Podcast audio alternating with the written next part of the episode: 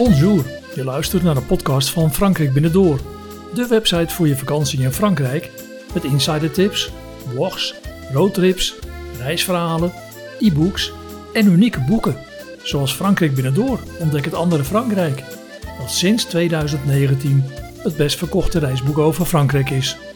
Ik ben Ruud Kouwenhoven en in deze podcast neem ik je mee naar wijndorp Chablis in het noorden van de Bourgogne waar meer valt te beleven dan wijnproeven of wijn kopen. Wat? Dat vertel ik je in deze podcast. En je hoort en passant ook meteen of een Grand Cru Le Clos uit 2002 nog wel te drinken is. Luister je mee? Ik kreeg laatst de vraag wat het wijndorp Chablis nou eigenlijk zo leuk maakt. Is dat nou de wijn of de wijnstreek? Ik heb al vaker over het wijndorp Chablis wat geschreven en in podcast mijn tips gegeven waar je lekker kunt eten of waar mijn favoriete adressen zijn om wijn te proeven en te kopen. En deze keer ga ik je vertellen wat ik nog nooit over Chablis heb geschreven of je verteld hebt in een podcast. En je komt er amper zo ook achter of een Chablis Grand Cru Le Clos van meer dan 20 jaar oud nog te drinken is. Het wijndorp Chablis ligt eigenlijk helemaal niet zo ver en is qua ligging een topbestemming om er eens een paar dagen tussenuit te knijpen. Dat kan voor een weekend of gewoon een paar dagen door de week. En waarom dat laatste misschien wel een goed idee is, daar kom je verder in deze podcast nog wel achter. Daarna kom je meer te weten over de in juni 2023 geopende La Cité des Climats et Vins de Bourgogne in Chablis. Een uniek kenniscentrum waar je alles over de wijn van de Bourgogne en Chablis te weten kunt komen. De monniken van de abdij van Pontilly hebben een belangrijke rol gespeeld in de ontwikkeling van de Chablis-wijnen. En hun invloeden zijn in het dorp nog steeds te zien. Maar er zijn nog wel wat historische feitjes op te noemen die een bezoek aan Chablis nog interessanter kunnen maken. En tenslotte is Chablis synoniem aan wijn. En dus zal je daar ook nog wat meer over vertellen, inclusief een aantal tips van de caviste uit Parijs, die inmiddels bekend is van de Frankrijk binnendoorboeken en de wijntips erin. Hij trok niet zo lang geleden een bijzondere fles uit Chablis van meer dan 20 jaar open. Maar daarover vertel ik je straks meer. Luister dus gerust verder en laat je verrassen. Want wie weet is jouw eerstvolgende trip naar Frankrijk dankzij deze podcast wel naar het wijndorp Chablis. Chablis ligt op ongeveer 500 kilometer van Maastricht. En als je in het dorp bent, dan kun je nog zelfs een eh, paaltje zien van de Route Nationaal 65, waar Chablis aan gelegen heeft. dat was vroeger zo. Want sinds 2005 is het grootste stuk van de Route Nationaal omgedoopt tot de D965. En die weg loopt tegenwoordig buiten het dorp om richting Auxerre als je van de kant van Tonnerre komt. Het paaltje van de N65 staat nog wel in het dorp, maar daar is de doorgaande weg, de D235, en die heet de Route d'Auxerre. Als je vanuit Chablis naar de leuke stad Auxerre rijdt, wordt de D965 overigens na afrit 20 van de autoroute A6 wel weer N65. En die kun je tot aan de Loire blijven volgen. Maar als je dus van de kant van Parijs over de A6 naar Chablis rijdt, dan moet je bij Auxerre de tolweg verlaten. En kom je van de kant van Maastricht, dan is er een fantastische route binnendoor van ongeveer 500 kilometer. En die route die komt te staan in de nieuwe regiogids Bourgogne die vanaf 2-11-2023 verkrijgbaar is. Kom je via Breda, dan is de snelste route via Rijms over de A26. En dan rij je ongeveer 525 kilometer. En vanaf Antwerpen is het ongeveer 465 kilometer via dezelfde route voor je in Chablis aankomt.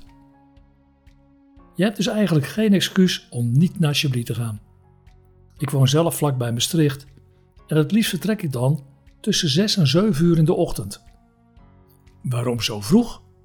Nou, als je via de autoroute gaat, kun je met een uurtje of vijf tussen de middag al aan de lunch met je eerste glasje blie zitten.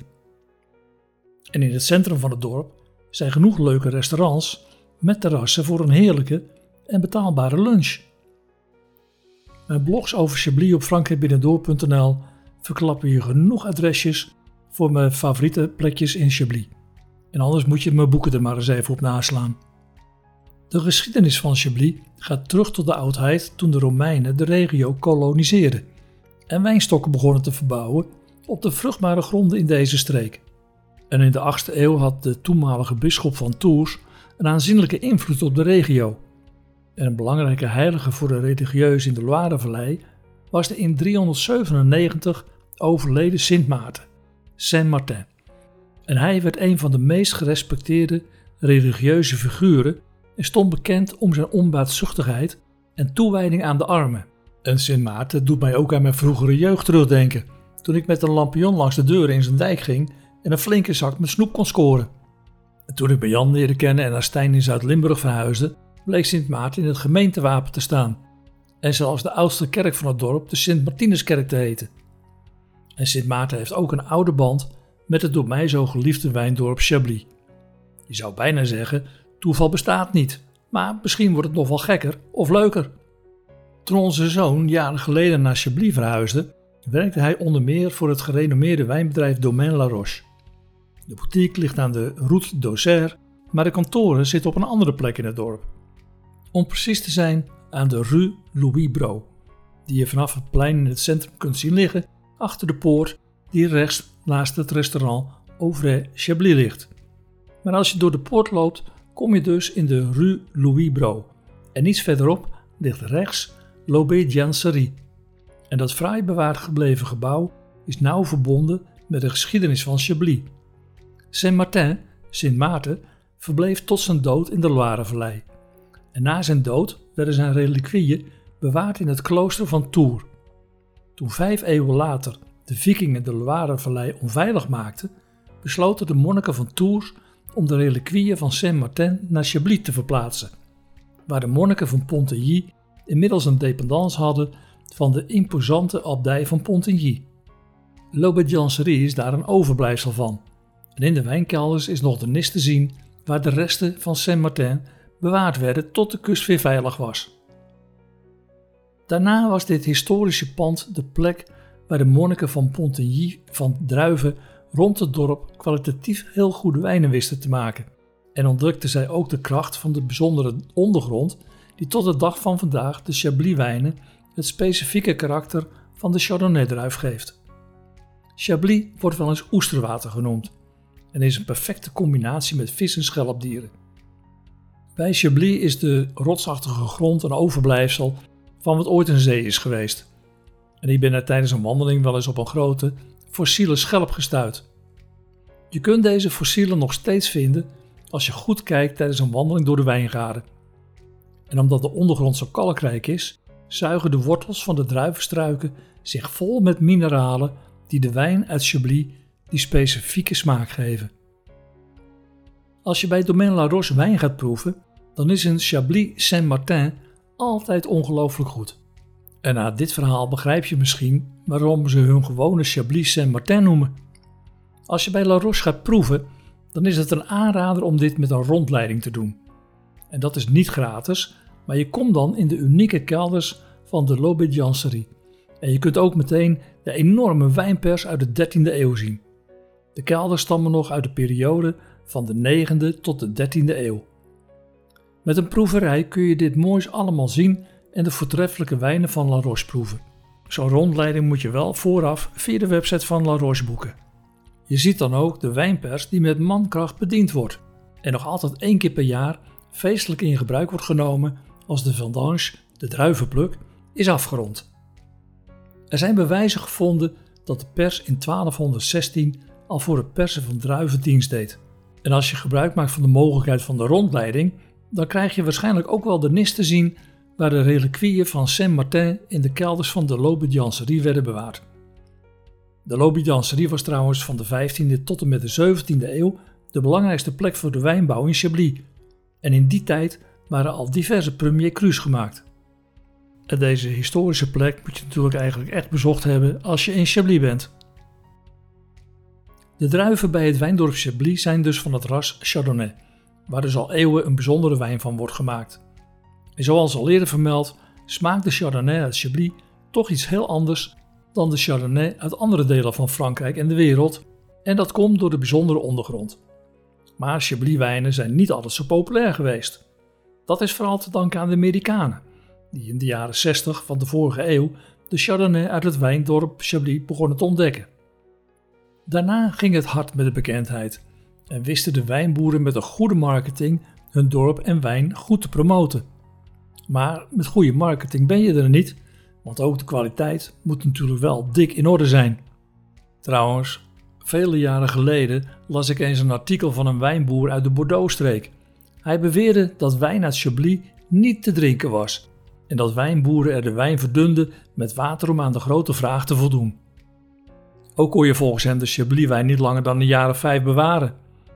Vermoedelijk was hij jaloers, want het verhaal is nooit bevestigd. En overal zijn fraudeurs, en het zal misschien in het verre verleden wel eens gebeurd zijn, maar neem maar van mij aan dat het verhaal niet klopt. In elk geval tegenwoordig niet, want de controles zijn streng en vooral de kleinere wijnboeren in de streek moeten met elkaar concurreren. En dat kan alleen als ze zorgen voor een heel goede kwaliteit. In de Frankrijk Binnendoor regiogids Bourgogne staan tips voor kleinschalige wijndomeinen waar je voortreffelijke wijnen kunt proeven en kopen. Toen ik trouwens in de zomer van 2023 dit boek aan het schrijven was, opende onze zoon een Grand Cru Le Clos 2002 van domein William Favre, die geweldig was. Typisch Chablis, complex en verfijnd, was zijn commentaar. Dus na 21 jaar was deze Grand Cru nog uitstekend te drinken. Maar dat geldt ook voor de gewone Chablis wijn hoor. Ik heb al vaker een fles Chablis van een jaar of 6 of 7 geopend die nog voortreffelijk was. Wat ik wel altijd heb onthouden was dat je een fles Chablis die na de druivenpluk, bijvoorbeeld 2023, een jaar later tijdens de kerst pas goed op dronk komt. Kortom, een Chablis kun je rustig laten liggen. En als je eens ergens gaat proeven, vraag dan altijd wanneer de wijn op dronk is en hoe lang je deze kunt laten liggen. Buiten het wijndorp Chablis raak je al gauw verzeild in de wijngaarden. En een aanrader is een wandeling door de Grand Cru wijngaarden, want daar heb je een fraai uitzicht op de omgeving en het dorp. Daar zie je dan ook dominant de kerk van Chablis boven het dorpje uitsteken. La Collegiale Saint-Martin de Chablis, daar heb je Sint Maarten weer, staat in het hart van het dorp en werd in 1220 deels herbouwd. De muren van de kerk stammen zelfs nog uit 1160. En in de loop der tijden hebben renovaties nauwelijks het karakter van deze kerk beïnvloed. Alleen de toren met de spits, die stamt uit 1852 en is maar liefst 50 meter hoog. En op de kerkdeur kun je tal van hoefijzers zien die zouden zijn achtergelaten door pelgrims. Chablis is naast Wijndorp ook een halteplaats voor pelgrims naar Santiago de Compostela in Spanje. En in de middeleeuwen stopten er ook ruiters die onderweg waren, want Saint-Martin zou in de periode ook de patroonheilige van de ruiters zijn geweest. En misschien stamt uit die tijd de anekdote dat Jeanne d'Arc in Chablis is geweest toen ze onderweg naar Reims was. In het dorp gaat zelfs het verhaal dat een van de hoefijzers op de deur van de kerk van haar paard zou zijn.